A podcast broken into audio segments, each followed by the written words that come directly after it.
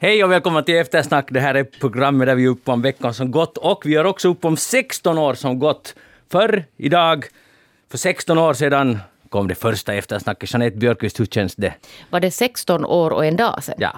Så det är liksom 15 dagen november. efter nu då? Jo, men det är liksom fredag till fredag, så det är ju ändå Sant, ja. på det sättet. Nå hör du, nu har det ju gått fort. Jaha, tiden rinner Ja. iväg. Det där... eh, Att vi är, tänk att vi är lika unga och fräscha fortfarande. Ja, det är otroligt. En av få människor faktiskt. Märkligt, ja. Idag har vi kallat in filosofen Joel Backström för att tackla de här 16 första åren. Välkommen med. Tack, tack. Betyder 16, siffran 16 något för dig? Eller åldern 16? Eh, Det betyder Ja, ju att man kan bli alltså straff, man är liksom Ja. straffmyndig så att säga. det som man har gått och väntat på. Ah, så nu får vi plötsligt ansvar här på efter. Ansvar, ja. Det är illa. Tycker du om Nu, ansvar? alltså, det vill säga, det började igår, så från och med idag har vi ansvar för vad vi säger. Ja, så var, Okej, dags att skippa. ja, var aktsam Joel. Jag heter Magnus Lundén, tekniker idag i Risto Salonpää. Vi ska alltså tala om veckan som gått och vi ska också blicka lite tillbaka lite senare här i programmet. Eh, vi återkommer till det. Eh, först en rättelse. Eftersom jag älskar rättelser. Så jag tänker läsa hela det här inlägget. Vi har fått, jag har fått ett mejl från Mikaela. Förra, veckan, förra fredagen lyssnade jag på Eftersnack och hoppade till då du, det är alltså jag Magnus, sa att man antagligen, antagligen inte använt franska på stadion sedan olympiska spelen 1952. Det antagandet stämmer inte och du önskar att man rättar till det i så fall. Världsmästerskapen i friidrott ordnades 1983 på Stadion Helsingfors. Då spikade jag på franska och svenska under alla dagar som spelen pågick. Vi var några stycken som såg till att allting sades förutom på finska, även på svenska, engelska och franska. Till all lycka hade jag blivit kontaktad ett halvt år i förväg så jag hann sätta mig in i hur tävlingar går till. Tävlingsuppläggningar med termer som heat med mera var helt obekant för mig. Den sommaren före spelen uh, reste jag med ryggsäck i Frankrike och köpte idrottstidningen L'Equipe för att sluka allt som kunde tänkas beröra friidrott och så vidare. Och hon hälsar att Finland har tagit väl hand om sina utländska gäster också tidigare. Och det här stör mig extra mycket för jag tänkte säga i sändningen att kanske med undantag för VM 83 där jag själv var och heja. Och så sa jag inte det. Och så, så här går det sen. Tack Mikaela, fortsätt skicka in rättelser. Och någon annan vet någon annan tillställning efter 83, men före 2021 där det har talats franska. Så nu, är ni, nu har ni er chans. Jeanette, blir du glad av det här? Jo, jag blir jätteglad. Bra. Nej, jag blir, nej, jag blir glad när det finns människor som vet. Och just att det finns människor som inte bara vet utan har gjort det själva. Ja. Bra jobbat Mikaela. Just att man sätter sig in i sitt uppdrag, det var fantastiskt fint. Joel, det är Black Friday idag. Ja, som vi just talade här före så kommer jag inte alls ihåg vad det var ens. Så jag är kanske jag är så här, verkligen ex- expert på temat. Ja. Men nu drar jag mig nog till minnes att jag har hört om det förut. Ja. Ja, Om du, den information du nu har om Black Fri- Friday, vad är det? Eh, Det är alltså en dag när allt är superbilligt, eller påstås vara det åtminstone. Så det är meningen att nu, nu måste man köpa för brinnkära livet, för annars får man betala överpris för saker. Så kommer du att nu ta tillfälle i akt ikväll och shoppa på nätet? Eh, ja, jag sitter här och väntar på att sändningen ska ta slut för att jag ska få shoppa loss. Jag förstår. Jeanette, hur är det med dig? Nå, det, där, det här är ju alltså en i serien av sådana här när man har olika slags kampanjer. Och det där, så som det ofta är så är det ju så att, att man ingalunda nu alltid vinner på att köpa. Ja, det är ju, var det inte HBL som visade? Husis hade gjort det, ja. Det var bra genomgång faktiskt. Och det finns ju en sajt också som visar på det. Alltså där, där de, jag berättade åt Joel, eftersom han inte riktigt kanske följer med det här. Eh, De visar på exempel där till exempel en tvättmaskin, man höjer priset just en månad före Black Friday. Sen kan man säga att nu är det minus 60, så sätter man tillbaka i praktiken till samma pris det har varit tidigare. Helt klassiskt. Och, och det är svårt att, ofta att genomskåda det här kanske. Det där. Men jag, det är en sak. Och sen är det ju helt möjligt att man hittar goda, kan göra goda kap. Någonting man har planerat länge, så det kan vara helt vettigt på många sätt. Men generellt sett så tycker jag, jag tycker att det klingar helt falskt nu. Alltså att det är extremt gammal tänk. Alltså, att det är inte 2021 att nu ska vi alla köpa massor av saker. Så mycket som det nu snackas om miljöpåverkan av saker, att köpa konsumtion överhuvudtaget. Så jag tycker att det här, det borde bara fejda bort. Nej, men då kan man ju fejda, alltså i princip ska man ju fejda bort alla slags sådana kampanjer. Mm. Men det, det är någonting efter, det är hamstringsmentalitet i det här. Ja, inte, men det gäller ju nu inte alltså bara Black Friday, det gäller ju en massa andra också sådana. Men sen samtidigt så kan ju någon säga att, ja, men att, att affärskedjorna försöker ju bara överleva. Ja. De också, för de lever på att sälja. Men det är ju intressant hela det där fenomenet just att göra kap.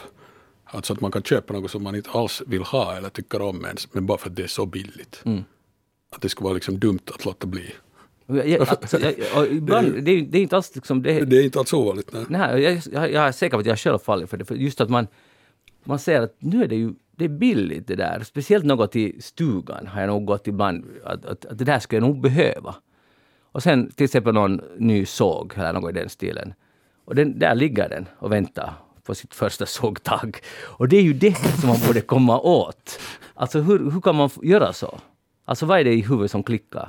Jeanette, du är ju en ganska aktiv shoppare. Ja, men jag har ju aldrig, alltså jag har ju, tror jag i hela mitt liv aldrig någonsin ever fyndat någonting överhuvudtaget på någon rea. Alltså jag är helt enkelt alltså inte en Aj, sån människa. sån. Jo, för jag blir, och sen blir jag dessutom så stressad. Jag går aldrig alltså i butiken när alla andra är där. Jag tycker inte om den där vet du, sån här folkträngsel. Och, och sen vaknar det några här animaliska instinkter i folk. Att de blir helt tokiga när de ser billiga saker. Mm. Det är att man armbågar sig fram och strider om, om grejer. Nu säger jag inte att det var så, men, men jag har ju hört om att de har stridit till exempel utanför elektronikaffärer. Mm. Köa alltså över natten för att, för att fynda någon hundra datorer som säljs och så ska alla ha dem. Och, Jag har köat faktiskt en gång i kanske två, tre timmar för en dator som jag nu i alla fall inbillar mig att jag behövde. Den var några hundra euro billigare. Då var jag helt nöjd. Men nu är det lite bisarrt att stå där i kön före butikerna öppnar, alltså från sex på morgonen. Alltså nu är det lite konstigt. Men den där människan kan ju bli alltså ganska arga också för att det, det är någonting liksom som, som gör att, att man... Jag vet inte vad det är för instinkter som vaknar. Jägarinstinkten kanske. Ha, har du inte gjort någon sån här jägarinstinkt? I när det gäller shopping? Nej, inte när det gäller shopping riktigt. Jag är ganska dålig på att shoppa eh, överlag. Det är bara råkar inte intressera mig just det så mycket. Men sen finns ju också det där att man vill betala överpris för saker. Aha. Nej, men alltså lyxkonsumtion. Att det finns en massa lyxartiklar till vilka det hör just att de ska vara svindyra. Att om de ska vara billiga ska man inte vilja ha dem. För att det, jag menar, och i båda fallen handlar det ju om ett sånt här distinktionsspel, att man har fått det billigare än grannen eller har råd att betala mer än grannen. Så det har ju ingenting att göra med själva de där sakerna på det sättet. Utan de är bara symboler för position i ett socialt spel. Det är ju det som konsumtion mest handlar om, ska jag säga egentligen. Det här är ett bra point. Jag, var, jag kommer återkomma till det, men tror det eller ej, men jag har hunnit vara i eh, Verona och Venedig här sen senaste eftersnack. Med tåg. Med tåg, naturligtvis, med tåg hela vägen. eh, Och båt. Det där. I alla fall, och i Venedig som är en lyxstad per definition, hela dess liksom, turistexistens bygger på det. En fantastiskt fin stad, men där vi gick där i, med några kompisar och tittade på de här butikernas skyltfönster. Och där var bland annat en, vi, hade en sån grej att jag ska köpa en ny jacka för jag borde lite uppdatera mig, speciellt när man såg hur snygga italienska männen var. Så kände man sig ganska sunkig. Men i alla fall där i Venedigs skyltfönster så den dyraste jackan vi hittade för män kostade inte mindre än 5500 euros. Och det, det såg nästan lika sunkig ut som jag skulle kunna ägt den, men den kostade 5500. Och, och jag bara, vi började bara fundera på att vitsi, det är mycket pengar för en jacka. Och vad skulle hända om man skulle vakna upp en morgon och ha insett att man har använt 5500 på en jacka? Alltså den här morkisen. Joel, om du skulle liksom inse, du har varit lite, låt oss säga att du har varit på sniskan. Vi säger som det. Och du vaknar, du har på något sätt klämt ihop 5500 Just det. euros. Vad gör Inte så att man har ta- tagit en tatuering i pannan utan att man har köpt en Ja. 5500 euros jacka. Ja, I min, min, mitt ekonomiska läge skulle kanske inte vara så bra men det är ju inte jag som är målgruppen här. Förstås. Nej. Utan vad ska man göra om man har helt för mycket pengar? Jag vet. Så det måste ju finnas jackor som kostar 5500. Ja. Hur ska man annars, vad är det för poäng, att ha mycket pengar om, man inte, om det inte kan märkas, om man inte kan få manifestera det på något sätt. Så jag menar, på det sättet är det väl inte så märkligt. Nej, kanske inte. Och det kan ju vara att om man ska vara stormrik och man ska bli lite blasé och så ska man gå i Venedig och ha bra känsla, så ska man bara köpa den, för man kan. Jeanette, skulle du bli imponerad om jag skulle komma med en sån? No, alltså det där tyvärr är jag så att jag ser ju en skillnad på om den har kostat fem euro eller, eller 5000 euro. Att jag har inte öga för sånt här. Det finns människor som har öga för sånt. Jag undrar om någon skulle ha ögon för Men jag har alltså någon gång alltså blivit alldeles till mig av någon kompis smycke och bara så att åh herregud att det där är ju säkert jättedyrt och fint och så har det varit någon där fem euros smycke. Att det helt enkelt alltså jag har inte den här kunskapen i att se skillnad på. Andy Warhol som ju var just bra på, som verkligen hade öga för den här sortens saker, han säger någonstans att han hade förstått varför folk sätter, rika människor sätter tavlor på väggarna. Att kan man inte bara hänga upp de där pengarna där som den har kostat. Eh, och det är säkert någon som sen har gjort det också. Men det där. Um, det finns en Men det skulle, bra point med det. nu förstår du, det skulle vara väldigt okultiverat och väldigt liksom vulgärt. Ja, ja, det är det. Men det, det, är det, inte- det är det intressanta här att det skulle förstås vara vulgärt, så det skulle man inte göra utom om, det skulle, om Andy Warhol skulle ha gjort ett konstverk som består av pengar, så då kan man sätta upp det på, Ja. för att då är det ett konstverk av Andy Warhol. Men så det får, det får inte synas, eh, det är vulgärt om det syns direkt bara att det här är bara pengar, men å andra sidan måste det synas, att det är ju ingen point just om folk du har köpt din 5500 euros jacka och ingen förstår att den är så dyr. Men det finns alldeles säkert, alltså världen är full av människor som förstår sånt. Ja, ja, Ja, men poäng är ju att man måste, det är det som grejen.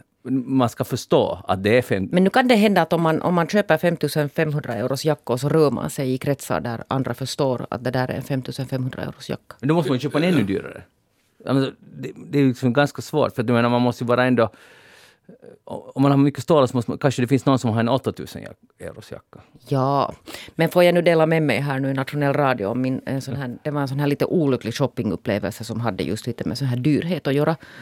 Ganska länge sedan, många, många, många år sedan, som jag var i Moskva och hälsade på Anna-Lena Laurén. Och så gick vi till några butiker och, och jag kan säga att, att så som vi såg ut så var de här expediterna inte särskilt imponerade. Vi var inte alltså den målgruppen som skulle gå i den här butiken.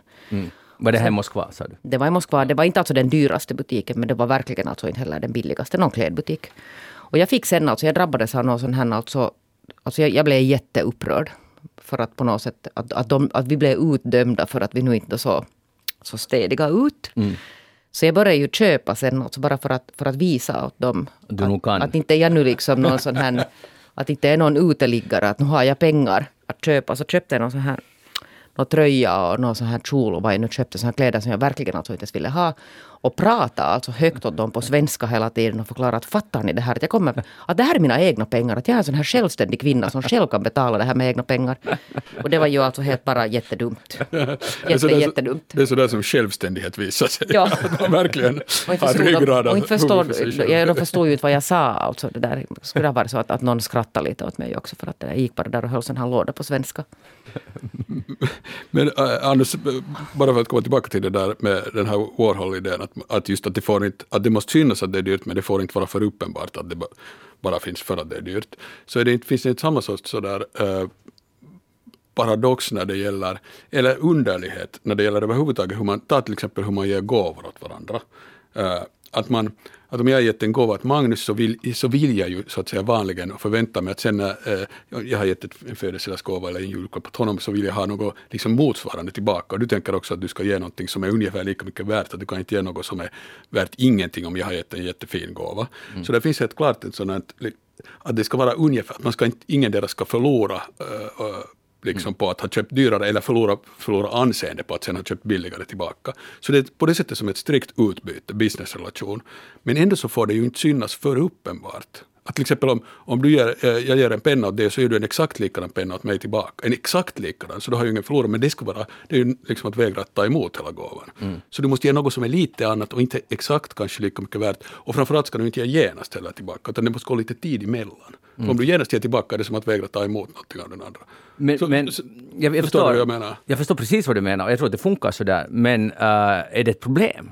Nej, no, inte vet jag om det är ett problem, men det är ju en intressant så här, dubbelhet i det. Att, man, att det finns klart en sån där, vad ska vi säga, kommersiell logik i det och just att man vill inte man vill inte gå på förlust så att säga. Åt någon håll. Och ändå får man inte är, kan man inte erkänna det rakt ut, för då skulle det bli hemskt, då skulle det vara som man inte alls bryr sig om varandra. För att den gåvan ska ju, det är ju meningen att den ska uttrycka att jag bryr mig om dig och du bryr mig om eh, mig. Men om, jag menar, då skulle man väl kunna ge gåvor helt utan att, alls, att man alls tänker sig att man får något tillbaka. Det skulle väl vara en äkta gåva. Det skulle vara en äkta gåva. Det är att du liksom bara, att- hej, du skulle man nog säkert vilja ha det här, att du kan ta, ta den. Mm. Och det skulle inte alls finnas något krav på att jag ska ge tillbaka, men i gåvor de facto som vi ger dem så finns det ett grymt starkt krav på att man ska få en gåva tillbaka, vanligen alltså. Men det, alltså man känner väl sig på något sätt i skuld, eller så här omedvetet. Jag, Ja. och det, jag håller helt med, det är lite mystiskt. Men det är lite som om vi är på krog. Om Jeanette, eh, om vi nu någon gång skulle vara på krog tillsammans, du skulle bjuda mig på ett glas vin. Så nu ska jag någon gång under kvällen absolut bjuda tillbaka. Aj ja. Ja.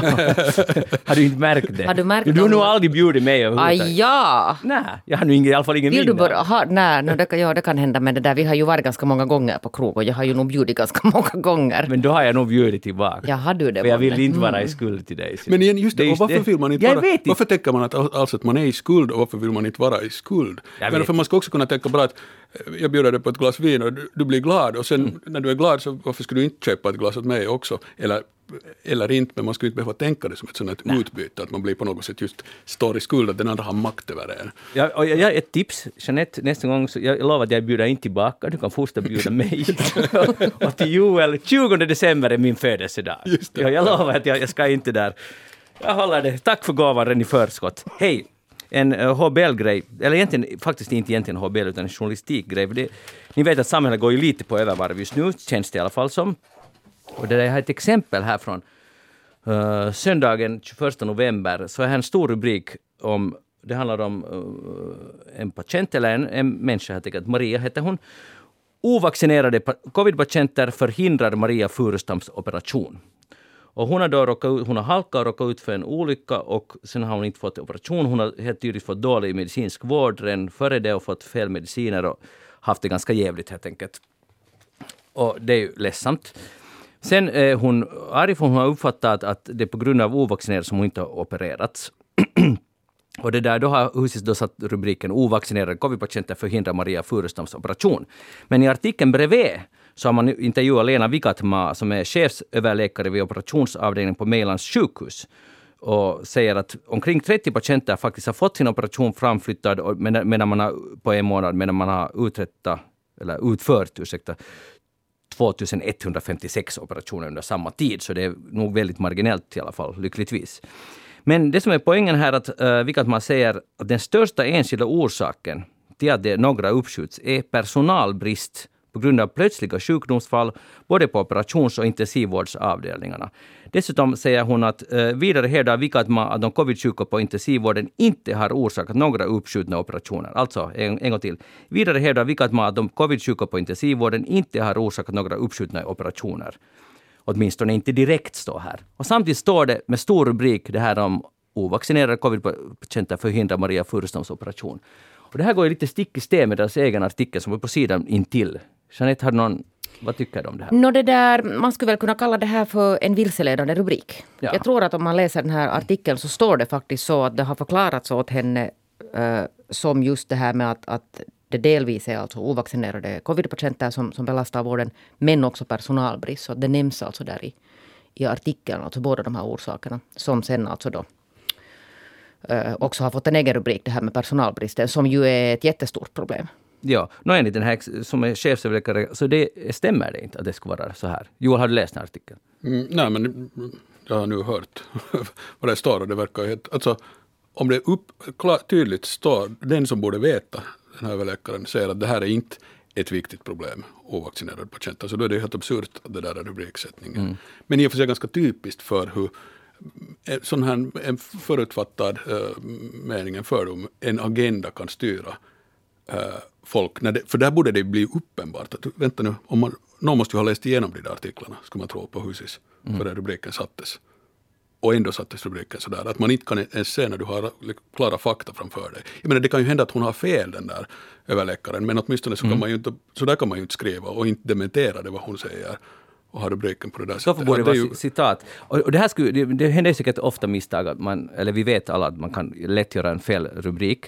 Men problemet nu när det är så inflammerat allting och vi alla vill att det är de där, eller många vill att det är de ovaccinerade som bär skulden för allt. Ja, och det går ganska hårt. Och det går ganska hårt och människor är så otroligt uh, det blir nästan aggressivt. Och det här, blir, det här är ett problem därför att medien borde inte hjälpa till här. Utan håll, vi oss till fakta. Det finns massa fakta som skulle tyda på att det ska vara bättre att vaccinera sig. Det, det finns liksom helt tillräckligt med det. Men det här, att, att det är deras fel att den här människan inte kan vaccinera sig. Och det, det är det som vi kommer ihåg av den här artikeln. Men det är ju alltså lite nu i linje med, med mycket alltså i, i medierna nu att det är mycket väldigt populärt att, att svartmåla de här ovaccinerade på, på alla möjliga olika sätt. Och här tycker jag att det som skulle vara bra, för den här gamla journalistiska lärdomen, när drevet går så måste man gå åt andra hållet. Bara alltså rent journalistiskt, oberoende av vad man själv tycker. Att kolla, att vänta nu, hur, finns det en annan sida av det här? Finns det någonting som inte kommer fram? Och så vidare. Det bredda den här bevakningen. Det skulle vara jätteviktigt nu och det som lugnar ner känslorna. För att här är en insändare i dagen efter också i HBL. Det är en insändarskribent som är arg på att det finns uh, vårdare, hälsovårdare som inte är vaccinerade. det kan man ju absolut tycka och det är helt okej att skriva en insändare om det. Det som är ganska konstigt att det står så här i, i insändaren, det är oerhört ansvarslöst. mm. Hur är det möjligt? Frågetecken. Dödsmaskiner går alltså omkring personifierade liemän inom sjukvården. Alltså här kan man skriva nu för tiden och det går igenom husisk granskning och det går igenom, den här människan har varit så arg att den vill skriva att de är liemän och de är dödsmaskiner, alltså sådana som jobbar inom hälsovården. Som är ovaccinerade. Som är ovaccinerade. Och nu är det ju möjligt att det finns någon enstaka dödsmaskin, men jag betvivlar det starkt. Men jag tycker att vi skulle kunna avhålla oss alltså omedelbart, varenda sten i det här landet, från att kalla andra för dödsmaskiner. Ja. Eller överhuvudtaget, alltså det här hur man håller på och stämplar och, och svartmålar och skuldbelägger.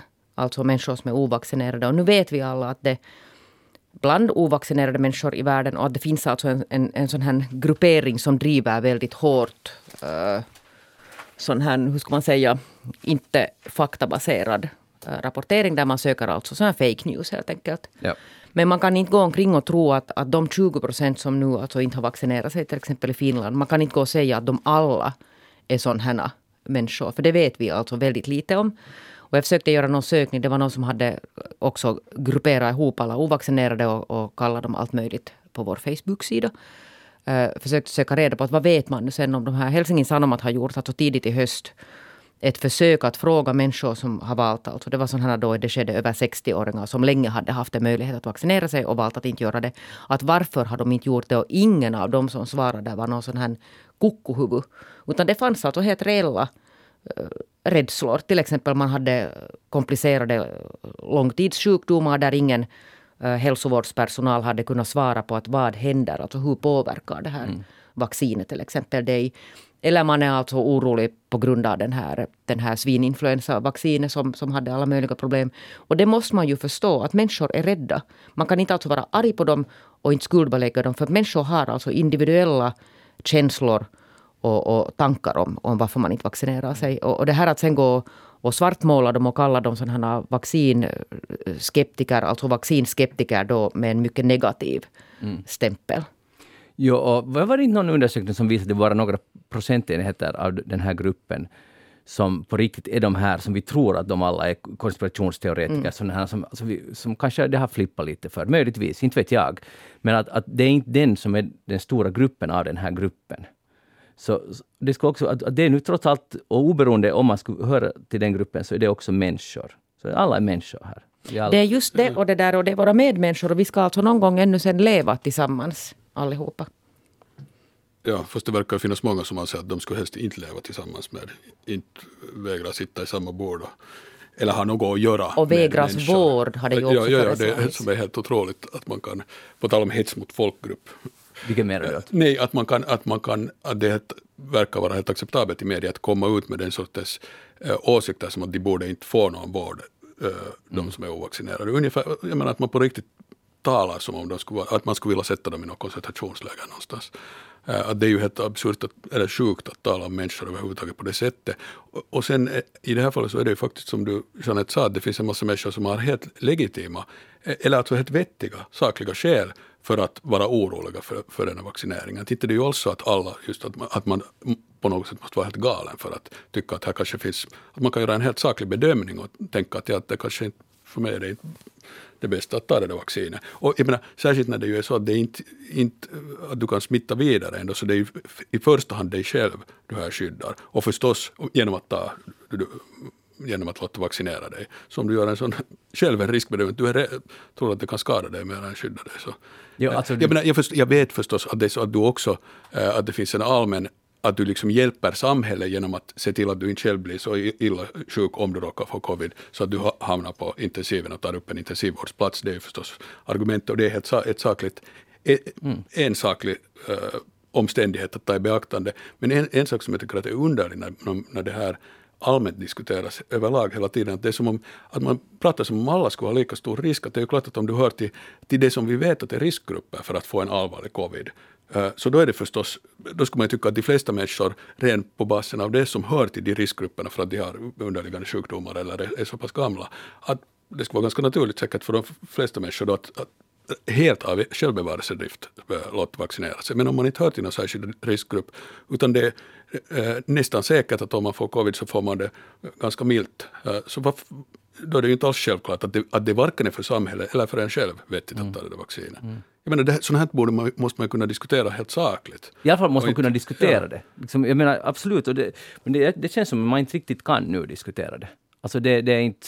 Nej, det är nog väldigt inflammerat det här in, och människor blir, Jag är säker på att många blir jättearga på det här vad vi säger. Jo, jo absolut, så är det men, Och det får man bli. Ja, jo, nu får man bli, men, men man borde fundera på varför man blir arg och hur, hur har man tänkt att, hur, mm. äh, att inte det är ju det är som om man nu att minsta lilla, äh, att ställa någon fråga överhuvudtaget om vad den officiella linjen är äh, för tillfället Eh, så blir man stämplad som man ska vara någon sorts som vill undergräva hela samhället och förstöra allt och, inte, och vägra ta an, fullständigt ansvarslöst. Men på vilket sätt är det ansvarslöst att försöka sätta sig in i en fråga och se vad det finns för olika Eh, aspekter av det. Ja, men ta nu bara det att det är, olika länder har valt helt olika covid-strategier förstås från början redan. Så det finns ju helt uppenbart, och det finns en massa eh, experter epidemiologer och experter på eh, offentlig hälsa som har olika uppfattningar om hur man bäst ska bekämpa covid.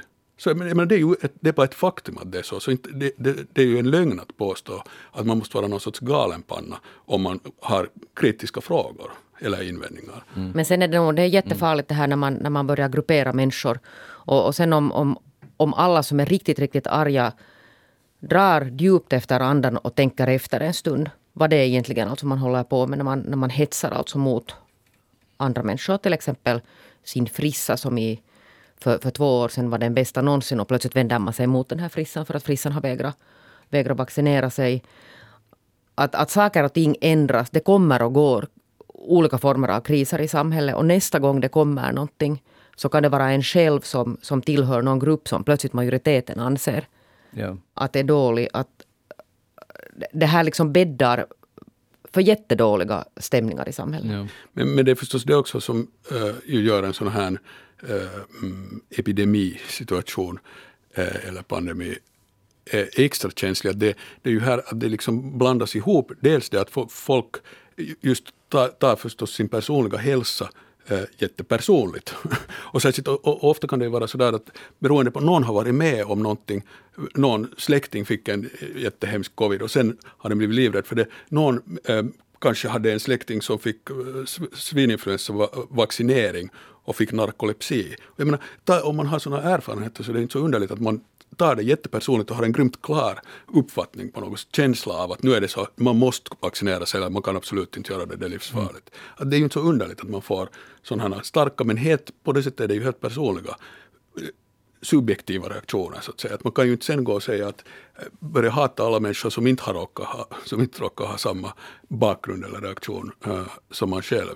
Mm. Att det för det första och sen, och det här blir ju en sån där underlig, när det blir en sån här masspsykos i samhället som det i någon mening helt klart har blivit i det här fallet som i massa andra fall.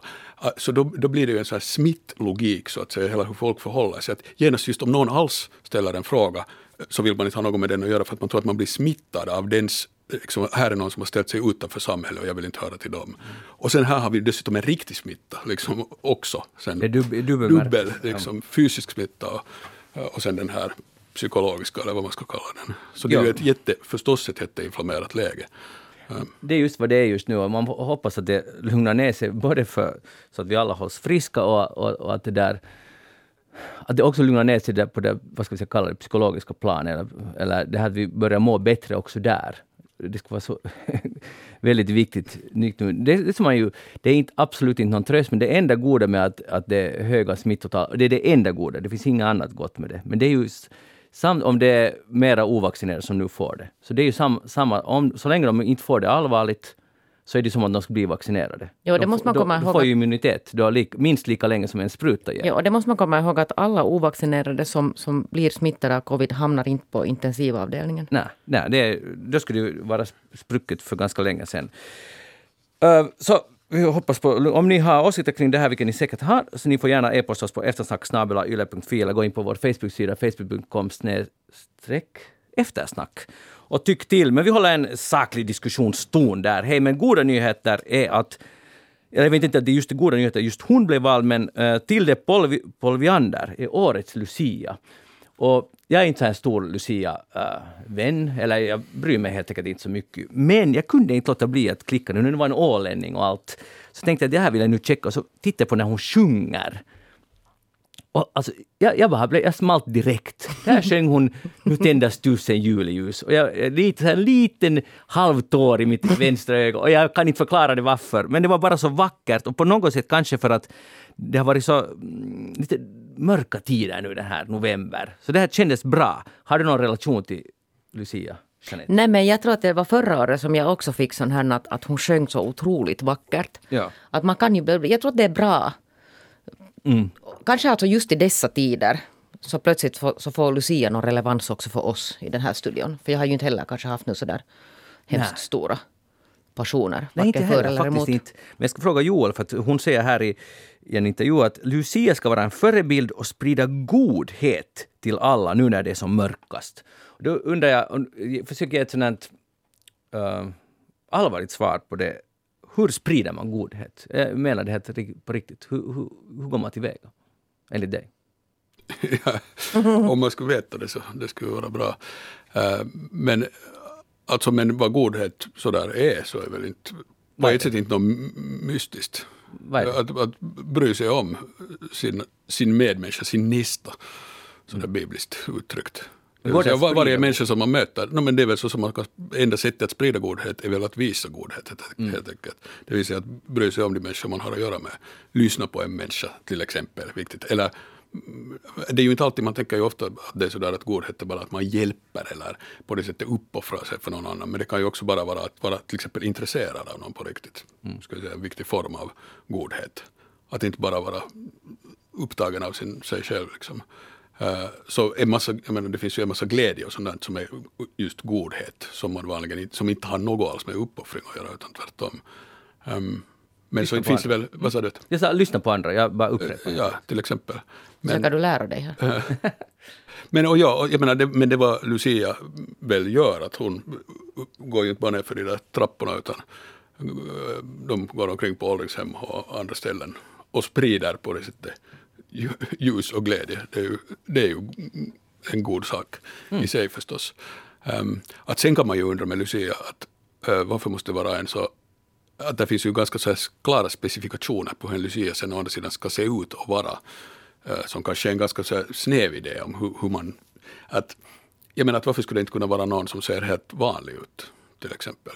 Att varför måste Lucia uppenbart vara väldigt söt och kanske vacker, representativ? Ja, jag ser det här som... liksom, som eh, Det blir det- knepig fråga det där. Att här blir ändå så här, Men för jag ska genast har förstås ingenting att göra med att vara representativ eller söt eller något sånt. Jag lägger in en protest här. Alltså det här är ju helt uppenbart att det är sån här geogra- geografisk politik här. Att, att är en ålänning med i valet så röstar ju hela Åland på henne. Jo, hon berättade att hon har gjort kampanj på Ja, men det blir ju regionpolitik. Jag tror att det är mera regionpolitik än hur man ser ut här. Att, att vems flicka vinner. Svensk Finland Och mot Åland har få någon chans för att ålänningarna är starka tillsammans. samlas kring flaggan. Det är bra. Hej, Jeanette Björkqvist, vad har du tänkt på det här? Nå vet du vad, det här var inte alls någon godhetsgrej utan det var så att nu har jag, jag har en sån här helig princip. Jag får väldiga mängder alltså e-post och alla möjliga sådana här kontakttagningar. Och jag försöker vara mycket, mycket noggrann med det att jag svarar på allt. Alltid. Också när jag får alltså kontakter, människor tar kontakt att, att kan jag skriva om det och kan jag skriva om det och kan jag lyssna på den och den. Så fast jag vet att jag inte kommer att göra det så brukar jag ha som en helig princip att jag alltid svarar. Att tack för, för att du tog kontakt. Inte något liksom långa avancerade svar men åtminstone så att man noterar åt den här människan. Att jag har läst ditt mejl, noterar det och vi ska se vad som händer. Men nu har jag den här veckan två gånger alltså mocka och glömt bort att svara. Så att människor har, har det där hamnat, hamnat Upprepa, det där, upprepa. Men det där, men det får mig alltså osökt att tänka på att jag tror att inom min bransch, eller så är det, jag vet alltså det här att journalister i regel får väldigt mycket e-post och, och kontakter. Och hemskt många svarar ingenting överhuvudtaget. Och det här har jag hört av oändliga mängder människor som sen kontaktar mig att varför svarar inte den red- redaktionen och varför svarar inte den redaktionen och varför svarar inte den. Eh, som jag nu tycker liksom att alla skulle kunna försöka skärpa sig. Det är ju alltså lätt hänt så om man får mycket kontakter och inte gör det precis exakt då när du öppnar den här e-posten. Utan du tänker att jag svarar senare så är den bortglömd inom en timme för att sen har det kommit 10 eller 20 nya e-post. Men det, där, det brukar jag nog ha som en sån helig princip. Och så tänkte jag att vad är det nu sen de här människorna som på riktigt alltså verkar helt systematiskt låta bli att svara på någonting alls. Att man skickar någonting och det kommer ingenting. Alltså inte ens en kvittering på att, att tacka att jag, jag fick ditt, ditt mail. Eller någonting att, att du liksom mailar in i en sån här svart, ett svart hål. Men se det har Magdalena Ribbing frid över hennes minne. Mm. Så hon har fått en fråga av en människa som undrar exakt just det. Att vad är det för människor som, som är sådana att de alltså inte svarar helt enkelt. Mm. Och det här gällde då kollegor som den här människan alltså höll på att mejla till och som alltså helt enkelt bara förteg den här personen. Och då, då, då svarar alltså den här Magdalena Ribbing att, att om det är så, så då måste man bara ha överseende med dem. Att om de är så, vad var det hon använde för fint ord, ohyfsade stackare. Att de har hamnat alltså i drullighetsträsket. Och om man som vuxen har landat alltså i drullighetsträsket, alltså att man inte förstår hur man använder ett tangentbord och kan besvara mejl. Så då ska ingen tro att de kommer att lära sig det heller. Att, att det, det är alltså... Det är för sent. Det är för sent. Och så ger hon ett råd. Försök tycka lite synd om dem, dessa ohyfsade stackare. Deras beteende kan vara genomgående i deras livsstil och det är i så fall trist för alla. Så att en sån hälsning till alla som ignorerar mejl. No, Jeanette, det har drabbat dig två gånger den här veckan och tydligen aldrig tidigare. Jo, det har det hänt tidigare också. För det har nog hänt åt mig. Och vi har nog gått där med skammen. För det, jag tycker att det är väldigt pinsamt, men det händer nog. Och det, vad, vad ska man skylla på? Att man är i drullighetsträsket? Nej, utan men, men om, att, om, man inte gör det systematiskt. Ja, jo, jo, nej, inte gör det systematiskt. Men, men nu händer ju det absolut. Och jag blir helt perplex när någon skriver på nytt att vänta, hur fick du mitt mejl? Men, men, men, men jag tycker det är jätte... Men det är, det är ett misstag. Det... Sånt händer och då, då, brukar jag svara helt ärligt, inga bortförklaringar, mm. utan beklaga att jag är jätteledsen, ja. att jag glömde, förlåt. Ja. ja. Det är ju enda rätt. Och sen svarar man alltså genast. Ja. Men förstår du att de här som du skickar det här, de har skickat det här mejlet och det du läser det, så skickar de en gång till att fick du det här mejlet och du bara ignorerar det. Att du på något sätt är en sån människa som bara... Ja. Men det måste nog, jag tror ofta faktiskt inte det kanske är så mycket drullighetsträsk utan men Magdalena Ribbing sa så. Ja, hon sa så, men, men det finns ju nog många människor som är så stressade att de bara inte kan mer hantera sin e-post. Alltså det bara inte fixar sig. Med. Jag kan säga så här nu med lite erfarenhet från redaktioner att så stressade är nog inte alla redaktioner. Nej. Så konsekvent över hela linjen. Att ja, okay. det skulle handla om det. Joel, har du... Är du... Har du e-postat någon som aldrig svarar? Um, ja, det har jag gjort. Och nu har jag också själv låtit bli att svara. Jag menar av många, olika skäl. Och vad är de skälen? Nej, numera att man tänker jag ska nog svara och sen skjuts det upp och skjuts upp. och sen, nej, nu, nu svarar jag förr eller senare. Men, men ja, förstås är det otrevligt. O, ohyfsat. Tack ohyfsat. Magdalena. Och nu måste, det finns faktiskt lyssnare tror jag nu för tiden som inte vet vem Magdalena Ribbing är. Alltså det är ju Sveriges, eller ska vi säga världens största etikettexpert. Ja. Hon jobbar på Dagens Nyheter, nu är hon tyvärr död. Ja. Precis. Eh, Joel Backström, vad har du tänkt på den här veckan? Ehm, jag har tänkt på en reklam som jag så skymtade förbi i trafiken på någon bussida. Och om jag minns rätt, eh, så det var på engelska och det var någon sån matfirma, tror jag, eh, vars reklam det var. Och reklamen, det, det, om jag minns rätt, så var den så här att We make ad, you buy food. Och frågetecken kanske. Vad sa du? We make ad, vi gör en reklam, you buy food. Okay. Du köper du köper vår produkt. Och, nåja, och jag tänkte att det var ett bra exempel på hur, eh, det här är ju en gammal trend men att hur eh, det görs en del reklam, inte, inte den största delen, men ganska mycket reklam som är sådär uttalat liksom självironisk, ska vi säga cynisk, att eh, där undertexten, liksom, eller det är inte ens en undertext utan det sägs rakt ut att hehe, det här är nu, att ska du köpa vår produkt bara för att vi gör reklam för den, att så dum är väl ingen. Mm. Så att säga, så man, själva reklamen liksom dissar sig själv. Att det här är löjligt att det, hålla på Det finns ju flera exempel. Det, ja, det finns hur mycket som helst. Ja. Det här var bara det senaste som jag råkade sätta på. Uh, och det intressanta med det förstås är att det ju tydligen funkar. Mm. Uh, precis lika bra, eller kanske bättre. Uh, för att annars skulle, skulle de ju inte göra, åtminstone tror de att det funkar. Och antagligen funkar det också. och det tycker jag att det här är ett bra exempel på hur, hur mm, så här, att vara cynisk och tänka att man genomskådar saker, hur det inte överhuvudtaget hjälper en att fatta någonting eh, eller, eller vara kritisk mot något. Utan för då, kan man, då är man bara cynisk och säger ja, ja, det är nu en reklam, hehe, och så fortsätter man göra precis som förut. För liksom egentligen, med, eh, man tar som intäkt att man ju vet att det här är allt båg. Och sen behöver man liksom inte göra något åt att man fortsätter spela det där bågspelet. Mm. Jag, jag, jag tycker att det här är jättevanlig samtida form av hur folk Eh, liksom, att man går med på en massa saker som man egentligen inte tror på. Och man kan säga rakt ut att egentligen tror jag inte på det här.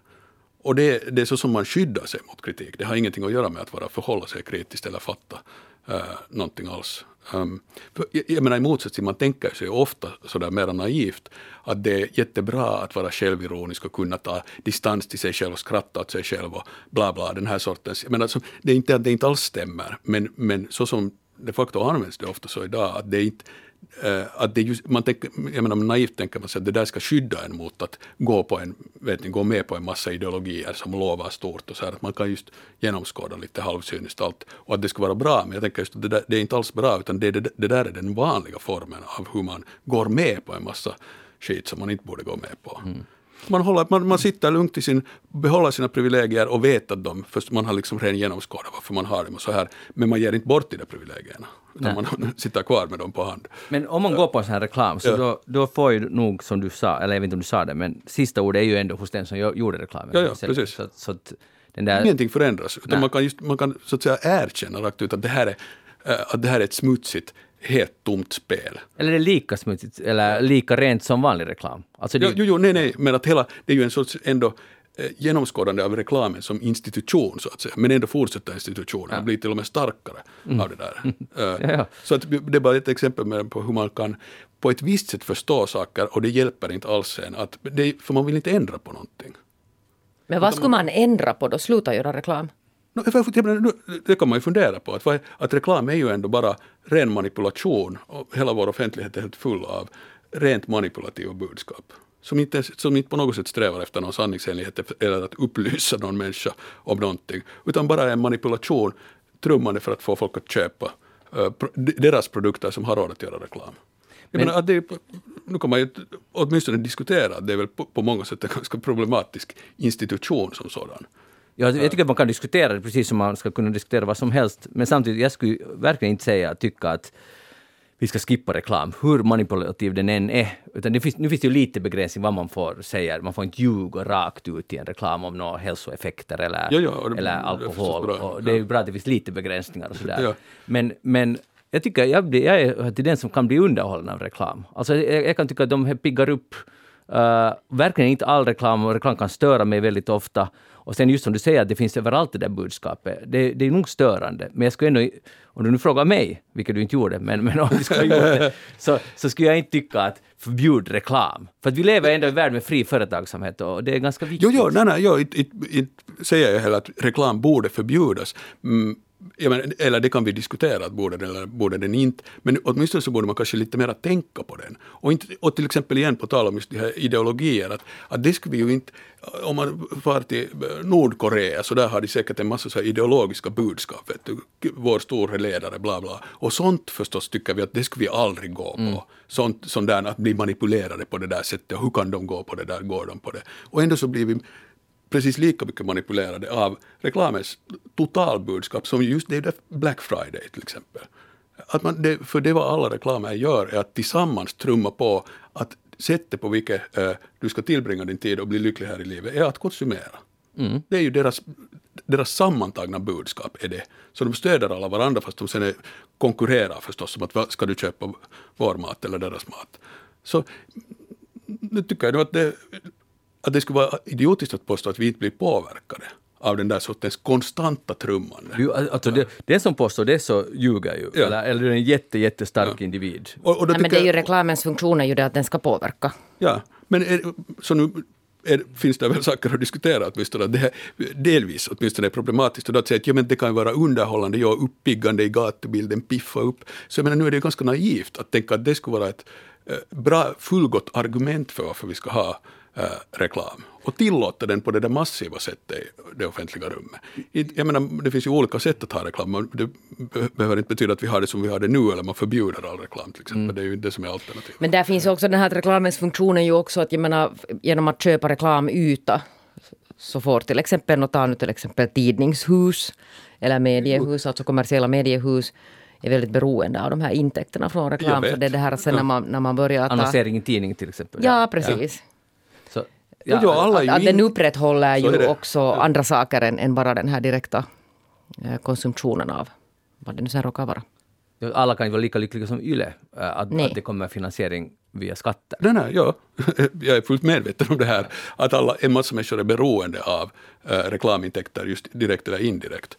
Eh, så det är ju inte, men samhället är ju fullt av sådana situationer där det finns saker som är eh, eh, där folk är beroende på ett olyckligt sätt av saker som egentligen inte är så bra att de kanske finns, eller ska vi säga åtminstone som är problematiska. Men eh, skulle det, vara, skulle, skulle det vara en lösning att man äh, försöker bilda sig bättre, jag menar inte nu bara vuxna utan också barn i skolan överhuvudtaget, att vara, förhålla sig kritiskt till reklam, att genomskåda reklam, att, att tänka igenom hur man påverkas av reklam. Det tror jag nog att man gör. Alltså, nu har man ju sån här medieundervisning och det var rimligtvis ska ingå i det här att man analyserar reklamer och tittar på man hur går de ändå påverkar. på det, för fast vi har den här kunskapen. Och det var ju det som var poängen med Ja. det här ursprungliga exemplet, att där säger reklamen själv ut att du ska nog inte tro på mig, inte du är så dum att du tror på mig, står det så att säga, det är det som är själva Sen reklamen. köper man ändå. Och tydligen tänker de åtminstone att det ska fungera. Men den där ena havremjölken har ju den där idén att det här är bara en stupid där, det kommer jag inte ihåg hur det Ja, var. exakt, och det är precis den här, det är samma sorts firma, just så här ungdomlig, Jo. hipp, och som gör dessutom just så här gröna produkter. Ja. Så det, man gör dessutom för en god sak och samtidigt är man jätteironisk när det gäller det här Ja, och cashar in. Och det är så otroligt cyniskt spel, och cashar in ja. Ja. Och ingen, mm, så att på vilket sätt ska mediekritik komma in där? Men det är inte sådär bara att lära ut det. Jag tror att man of, vi ofta talar om ju att ja, i skolan ska man lära sig att kunna vara kritisk till den information man får in, vare sig det är reklam Nej men eller- förstår du bara sån här att man ska, att man ska Men- kunna göra skillnad Ja. på, på vad som är till exempel journalistik och vad som är reklam och vad som är någonting annat sen. Ja, No, gör det, det är förstås. klart. Och jag menar, inte- ja, ja.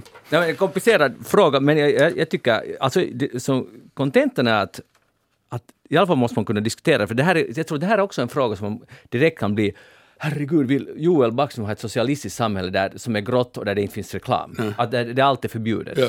Att det är det som man kan reagera Ja, på. ja, absolut. Och, men det är ju också intressant tänk att man tänker att om inte vi skulle ha reklam skulle det inte finnas någon färg i världen. Den skulle vara grå och trist. Jag menar, tänk att, att tänker vi att det enda sättet att någonting skulle vara på något sätt roligt och färggrant är att det finns reklam. Att, någon, att vi, skulle, vi skulle inte kunna åstadkomma något.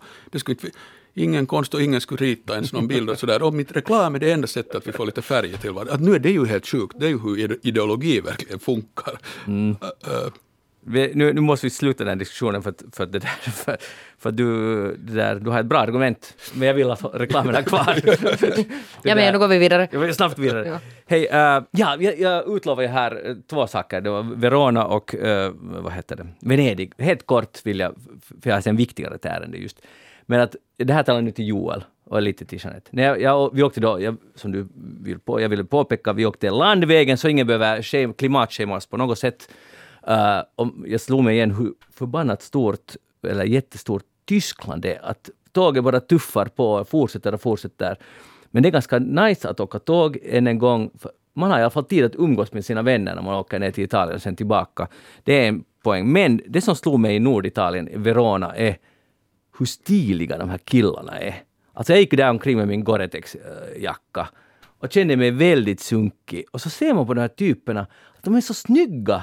Alltså det är helt sjukt. Vad ska man göra? Och, och det där, alltså, vi har ingenting där att skaffa för att, för att uttrycka det kort. Det var bara att tillbaka till Hofors och novembermörkret. Uh, Joel, har du känt det här någonsin? Alltså, det, Eh, ja, faktiskt. Eh, inte just med Verona-killar, Mm. men med, i, i Indien, med indier, deras renlighet. Som är på en sån nivå att man just själv känner sig otroligt snuskig och smutsig. Och, och så. Och, alltså det finns i, just som du sa ingenting man någonsin skulle kunna göra för att ens komma i närheten. ingenting. Av att vara just prydlig och renlig på det där sättet. Men hur gör de? Också de här kvinnorna är otroligt stiliga. Jag bara funderar, hur många timmar är de? Är de på något sätt födda med perfekta ögonbryn och allt vad man nu har i face? Liksom att, eller vad är, vad är det? Hur kan det funka?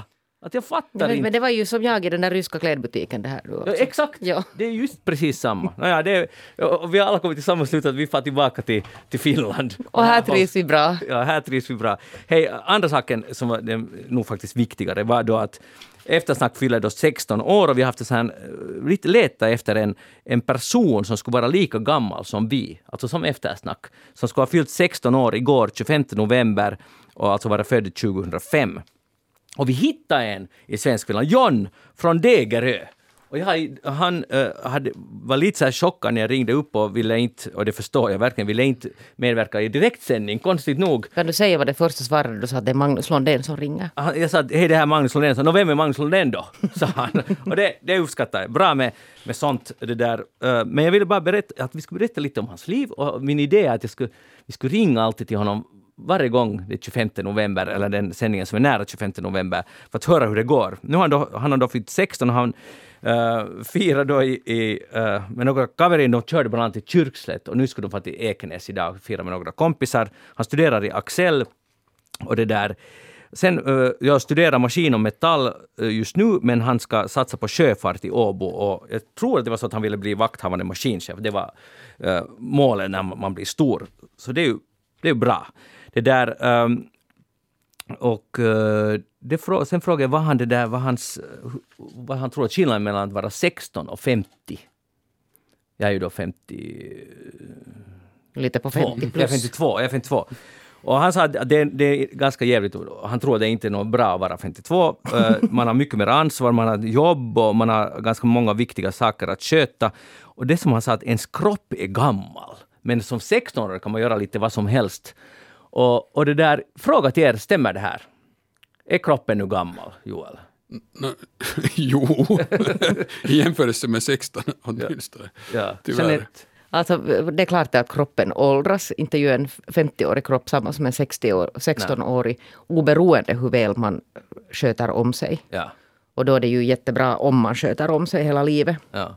Men John hade ett svar på det. Jag frågade, jag frågade skulle du, vad, vad tycker du om att bli vuxen småningom? Och sa nej, nej fan, att han skulle hellre starta om hela sitt liv och, och göra liksom på nytt, vara från 0 till 16, och sen på nytt till 0 till 16. Att han, han trivdes bra som 16-åring, så där som vi trivs här i eftersnack som 16-åringar.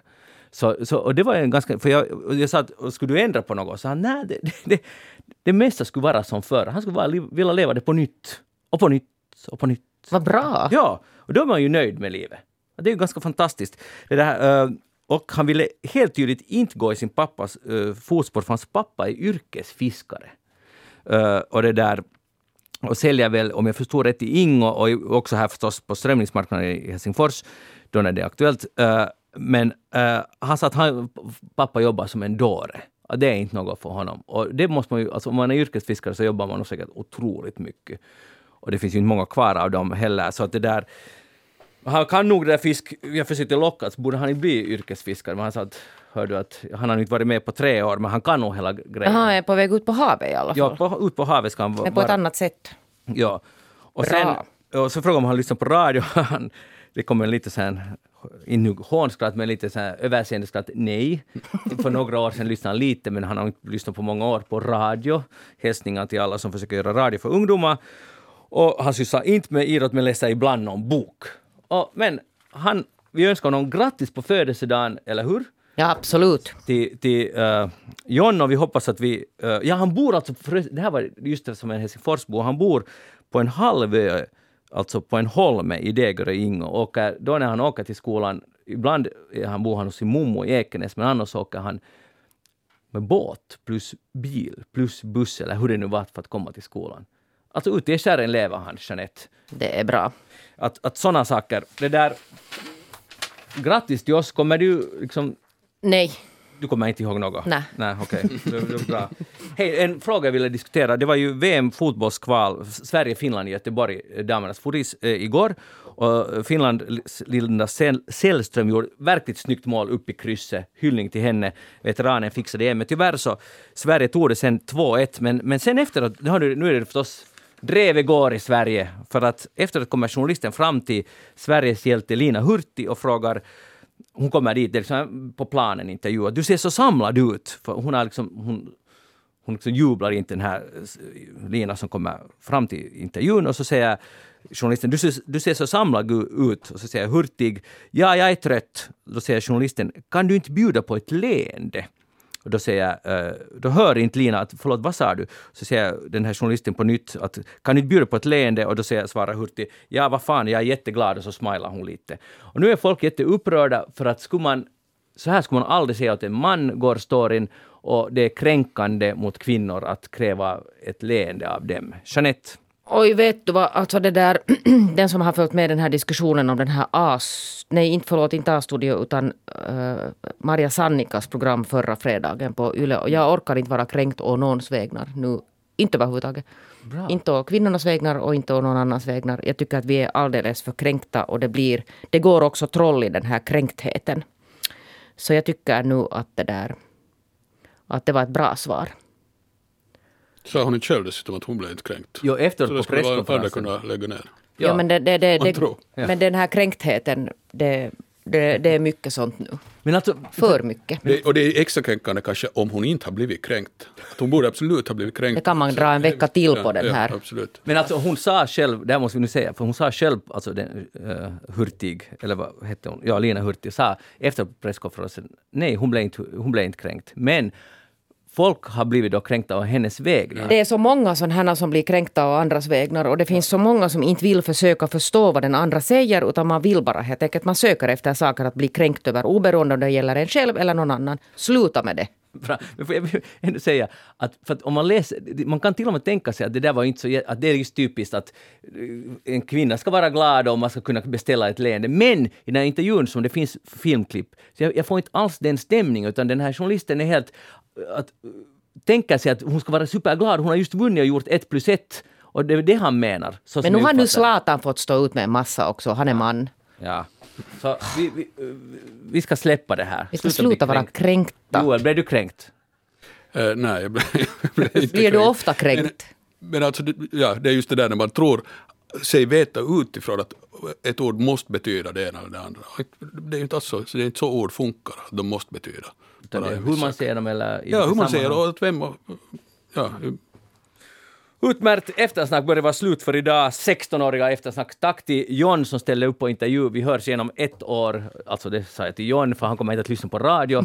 Jeanette Björkqvist, tack för att du var med idag. Grattis igen, igen på 16-åringen. Ja, tack detsamma, grattis, grattis. Nu ska vi leva det på nytt och på nytt och på nytt, vår 16-åriga liv. Och Joel Backson, tack till dig. Jag heter Magnus Lundén. Eftersnack är slut för idag. Kom ihåg att e-posta oss på eftersnack eller facebook.com. Eftersnack. Hej då!